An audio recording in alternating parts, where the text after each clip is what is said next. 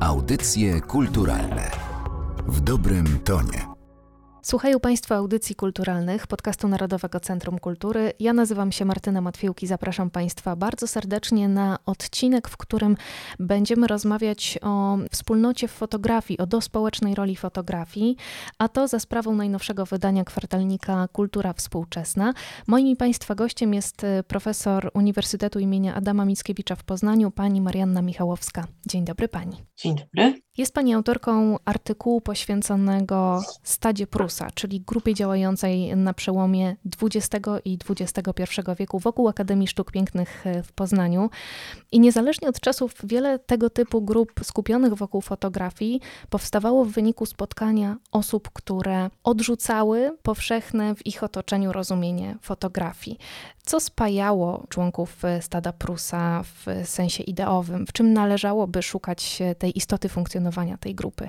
Zanim jeszcze odpowiem na Pani pytanie, to chciałam zauważyć tylko jedną rzecz. Ten przypadek, który opisałam w artykule dla kultury współczesnej, jest specyficzny, e, ponieważ w gruncie rzeczy fotografia tutaj funkcjonuje troszkę jako taki element towarzyskiej zabawy, a więc w mojej opinii to, co robili uczestnicy stada Prusa, nie miało takiego charakteru bardzo świadomego działania wspólnotowego, czyli trzeba odróżnić bardzo wyraźnie tego rodzaju taką działalność towarzysko-przyjacielską od y, takiego założenia świadomego, że oto zakładamy Towarzystwo Miłośników Fotografii i będziemy działać na rzecz na przykład upowszechniania tego medium. Nie, tutaj wychodziło to oddolnie, ponieważ wszyscy byli albo przyjaciółmi, którzy wspólnie mieszkali w Poznaniu w owym czasie i studiowali w wtedy jeszcze Akademii Sztuk Pięknych, albo pracowali w niej, albo spotykali się towarzysko nie będąc studentami fotografii, i w ten sposób powstawało coś w rodzaju takiej wspólnoty, e, gdzie fotografia była jednym z elementów działania. Do tego taka fotografia specyficzna, ponieważ dwóch e, autorów, na których opiniach tutaj się opierałam, Marek Noniewicz i Paweł Kula, którzy bardzo wyczerpująco i szeroko odpowiedzieli na moje pytania i pozwolili jakby zrekonstruować to, co się w ogóle tam wydarzało. Oni mieli takie upodobania nie do fotografii profesjonalnej, komercyjnej, która już wówczas na przełomie XX i XXI wieku bardzo mocno wchodziła do sztuki fotografii, tylko lubili to, co jest niemodne. Fotografię otworkową, fotografię bezpośrednią, inspirację talbotypią, inspirację cyanotypią, solarigrafię, fascynujący rodzaj fotografii, który dzisiaj jest na nowo odkrywany przez młodych adeptów tego medium, a więc jakby lubili to, co jest niewspółczesne. Natomiast jakby te działania pozwalały im spotykać się, organizować niezależne wystawy, które nawet nie były takimi wystawami, tylko często po prostu spotkaniami towarzyskimi.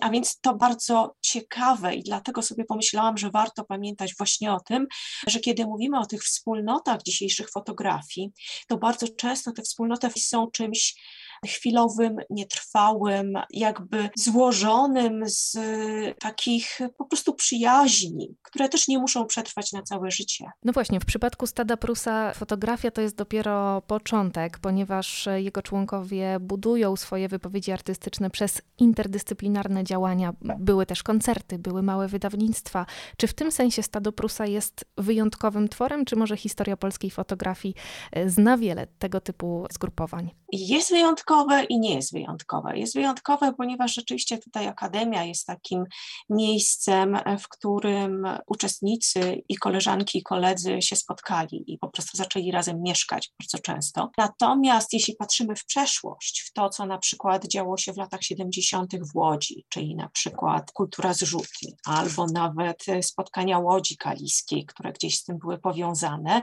to to jest bardzo podobny taki rodzaj działania wspólnego. Kiedy sobie pomyślimy na różnego rodzaju formy stowarzyszania i współdziałania w latach 60., 70. w Stanach Zjednoczonych albo w Europie, to też znajdziemy takie przykłady, a więc na przykład to, z czego wyrasta, nie wiem, fluxus, czy różnego rodzaju takie ruchy artystyczne, to jest to no właśnie podobne, ale oczywiście oryginalne w tym sensie, że mamy tutaj miasto średniej wielkości, Poznań, dobrą Akademię Sztuk Pięknych z tradycjami, ale też taką akademię która jest nastawiona bardzo na nowatorstwo i z tego Poznań zawsze był znany, ESP w Poznaniu, że tutaj rozwijają się różnego rodzaju nurty nieklasyczne. Pojawia się fotografia intermedialna, wcześniej pojawia się sztuka instalacji, są profesorowie, którzy niespecjalnie restrykcyjnie podchodzą do tego, co mają robić ich uczniowie, a więc jest pewnego rodzaju taki obszar swobody,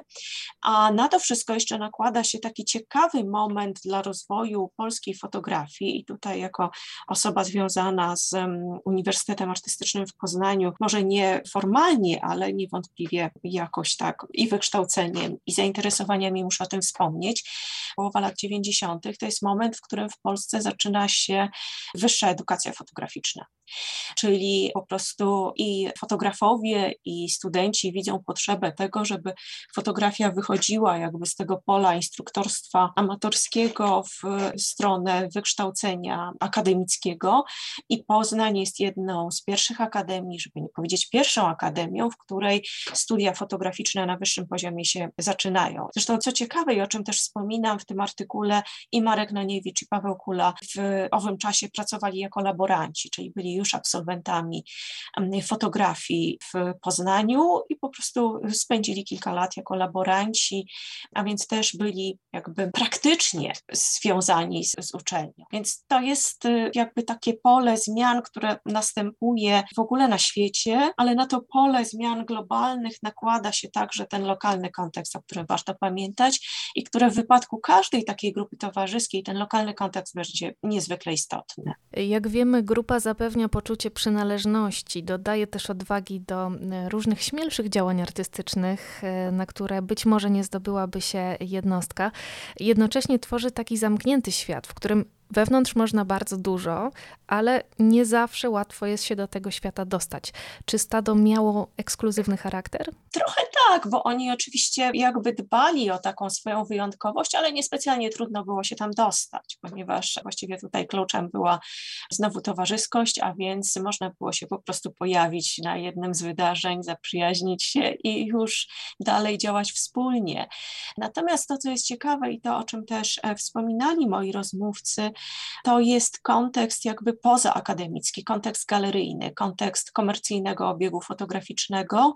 I tutaj obaj, i Marek, i Paweł wspominali o tym, że troszkę kluczem stał się kontakt profesorski, czyli oni jakby zaczęli być zapraszani na arenę sztuki poprzez wystawy organizowane przez profesorów, ale oczywiście obok tego działali wspólnie, niezależnie. Natomiast takie działanie wspólne, niezależne, czego trzeba mieć świadomość, też jest działaniem na małą skalę, czyli jakby znowu to przejście od tej małej, lokalnej, prywatnej działalności w sferę kultury ogólnopolskiej czy galerii ogólnopolskich jest bardzo często trudne.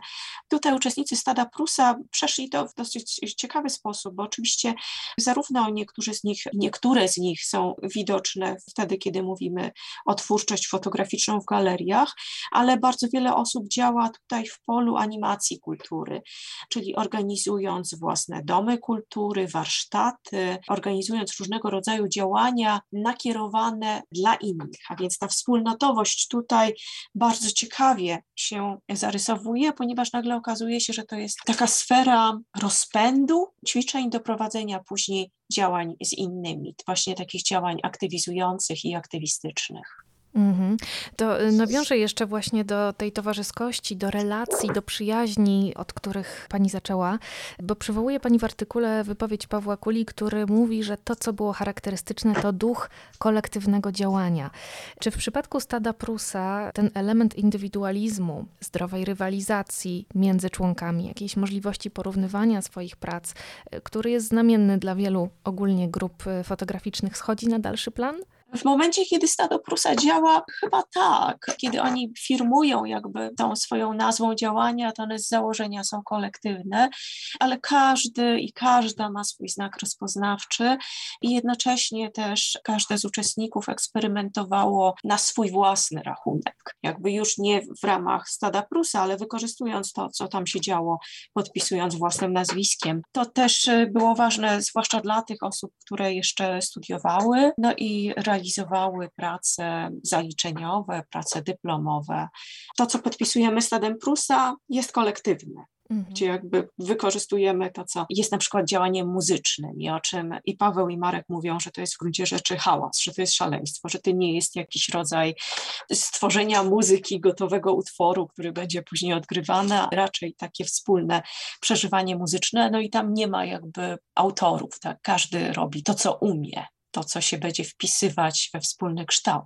Natomiast w momencie, kiedy Konrad Smoleński, czy Paweł Kula, czy Marek Noniewicz realizują pracę pod swoim własnym nazwiskiem, po to, żeby zaprezentować je na wystawie, to tak, to tam już ta kolektywność nie występuje, chociaż też tak bym dosyć ciekawie oceniała kwestię rywalizacji. Ja nie wiem, czy oni rywalizowali między sobą. Tutaj też warto wspomnieć, oczywiście, bo mówię przede wszystkim o autorach, autorach, o, o mężczyznach, ale trzeba też pamiętać, że były też współpracujące koleżanki, a więc Karolina Stelmach, Iza Królik.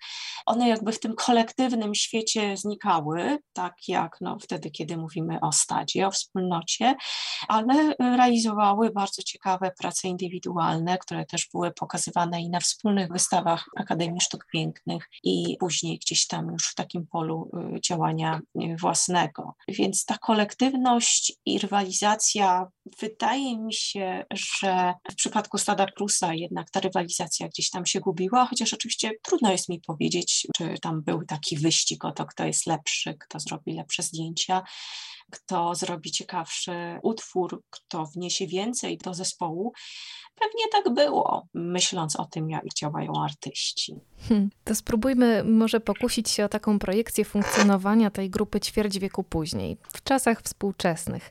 To, czy by przetrwała, czy stado by się rozproszyło, tego oczywiście nie wiemy, ale na pewno jego członkowie mogliby zyskać większy rozgłos, y, choćby streamując swoje koncerty w internecie, czy dokumentując y, wystawy na Instagramie, chociaż chyba nie o to chodziło członkom stada Prusa, chyba nie na tym im zależało tak patrząc na to, że jakby te archiwa cyfrowe, które były tworzone, one niespecjalnie przetrwały, jednak ta dokumentacja o działalności jest przede wszystkim analogowa. To się okazuje, że chyba ten świat cyfrowy nie był tym, co było im najbliższe i to było bardzo związane z miejscem, czyli z tym, że wszyscy mieszkali w jednym mieście, w jednej dzielnicy, w jednym mieszkaniu, a więc spotykali się.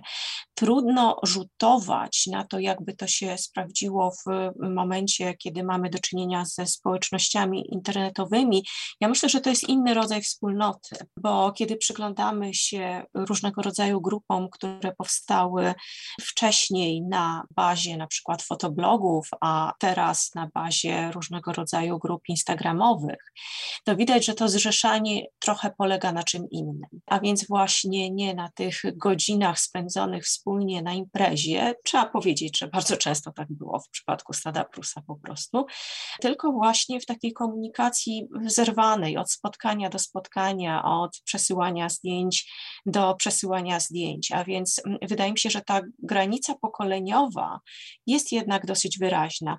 I zresztą mówiłam o tej działalności aktywistycznej i teraz, kiedy sobie staram się przypomnieć, jak teraz działają i Marek Noniewicz, który jest kuratorem i wykładowcą, i Paweł Kula, który jest wykładowcą i animatorem różnego rodzaju działań, i Maciej Krych, który też jest animatorem, kultury i współzałożycielem różnych działań, to widać, że dla nich jakby Ważniejsze jest to, żeby być z ludźmi bezpośrednio. A więc y, przekładając to do czasów pandemicznych, kiedy my wszyscy się troszkę zapośredniczyliśmy, nie wiem, czy oni by się tutaj w tym dobrze czuli. Natomiast trzeba pamiętać, że nowe środki przekazu, nowe środki komunikacji, nowe wcielenia mediów fotograficznych wykształcają nowe rodzaje wspólnot, które już charakteryzują się zupełnie innymi cechami i są właśnie związane i ze streamingiem spotkań, i z taką komunikacją organizacyjną organizowaniem seminariów online albo spotkań online, na przesyłaniu fotografii i umieszczaniu ich w portalach społecznościowych.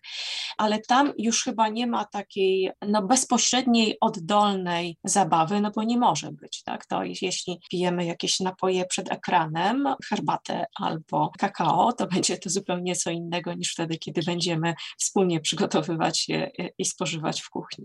Mhm. Ale y, pozwolę sobie jeszcze pociągnąć właśnie ten wątek y, portali społecznościowych w kontekście wspólnot fotograficznych, bo sama jestem użytkowniczką Instagrama i wiem, że na przykład dzięki określonym hashtagom ludzie, którym podobają się podobne zdjęcia, mogą na siebie stosunkowo łatwo trafić. E, na przykład w środowisku osób e, wykorzystujących technikę analogową, ci użytkownicy poszczególni mogą stać się rozpoznawalni, komentują sobie nawzajem zdjęcia, czasem wysyłają sobie jakieś takie podpowiedzi, wskazówki, gdzie akurat dostępne są w danym mieście materiały fotograficzne, ale dochodzi też do spotkań w rzeczywistości. Sama uczestniczyłam w kilku takich fotospacerach, na których spotkały się osoby, które nigdy dotąd w rzeczywistym świecie świecie się nie miały okazji spotkać. Czy w tym przypadku już możemy mówić o takiej wspólnocie w fotografii? Tak, myślę, że to jest takie nowe wcielenie różnego rodzaju działań wspólnotowych, no bo pamiętajmy to, jak ludzie się komunikują wokół fotografii, jak się e, zrzeszają, no to w ciągu tych wielu lat, w których istnieje fotografia, się nieustannie zmieniało. Na początku to był ten taki, taka funkcja statusowa, tak? czyli kiedy zakładano Królewskie Towarzystwo Fotograficzne w Wielkiej Brytanii, no to chodziło o to, że towarzystwo się jakby zbierało i wspólnie uczyło się fotografii, organizowało wystawy Później te stowarzyszenia miały bardzo różny charakter, albo właśnie e, zrzeszający określoną grupę, czasem miały charakter narodowy, tak jak w wypadku tych towarzystw i stowarzyszeń e, zakładanych przez Jana Buchaka. Później miały taki wydźwięk edukacyjny, kiedy to bardzo często w ramach na przykład Związku Polskich Artystów Fotografików prowadzono różnego rodzaju kursy tego, jak fotografię w ogóle używać popularyzowania wiedzy poprzez publikacje wydawane przez towarzystwa. Tutaj tego wszystkiego nie było. Zatem to był jeszcze inny rodzaj stowarzyszania się, inny rodzaj y, grupowania się. No i wreszcie mamy te dzisiejsze portale społecznościowe, które mają i jednocześnie funkcję edukacyjną, czyli możemy się nauczyć od innych, jak robić określony rodzaj fotografii, możemy się spotkać i wtedy to będzie to takie bycie on i jednocześnie offline, tak? to wychodzenie z sieci po to, żeby poznać innych. Uczestniczenie na odległość, tak jak w wypadku bardzo ciekawej e, grupy katowickiej warsztatów fotograficznych, gdzie regularnie są organizowane spotkania, że tak powiem, twarzą w twarz w sali, ale w czasach pandemicznych organizowany był streaming tychże spotkań po to, żeby uczestnicy nie zatracili pewnego rodzaju przyzwyczajenia tego, że uczestniczą, uczą się, prowadzą warsztaty albo uczestniczą w tych warsztatach, wymieniają się obrazami, a więc jakby to komunikowanie wydaje mi się zawsze ma wiele funkcji, ale ono będzie przybierać też różne formy w zależności od medium, którym się posługujemy i w zależności od czasów, w których żyjemy i kontekstów, w którym przyszło nam się spotykać z innymi. No właśnie, świat się zmienia, media się zmieniają, ale fotografia pozostaje dziedziną wspólnototwórczą, chociaż jej charakter może też być antywspólnotowy. E, nie będę zdradzać, co to oznacza. Zachęcam Państwa do lektury najnowszego wydania kwartalnika Kultura Współczesna. W nim między innymi artykuł profesor Marianny Michałowskiej, która była dziś gościnią audycji kulturalnych. Bardzo Pani dziękuję za spotkanie. Dziękuję bardzo. Audycje kulturalne w dobrym tonie.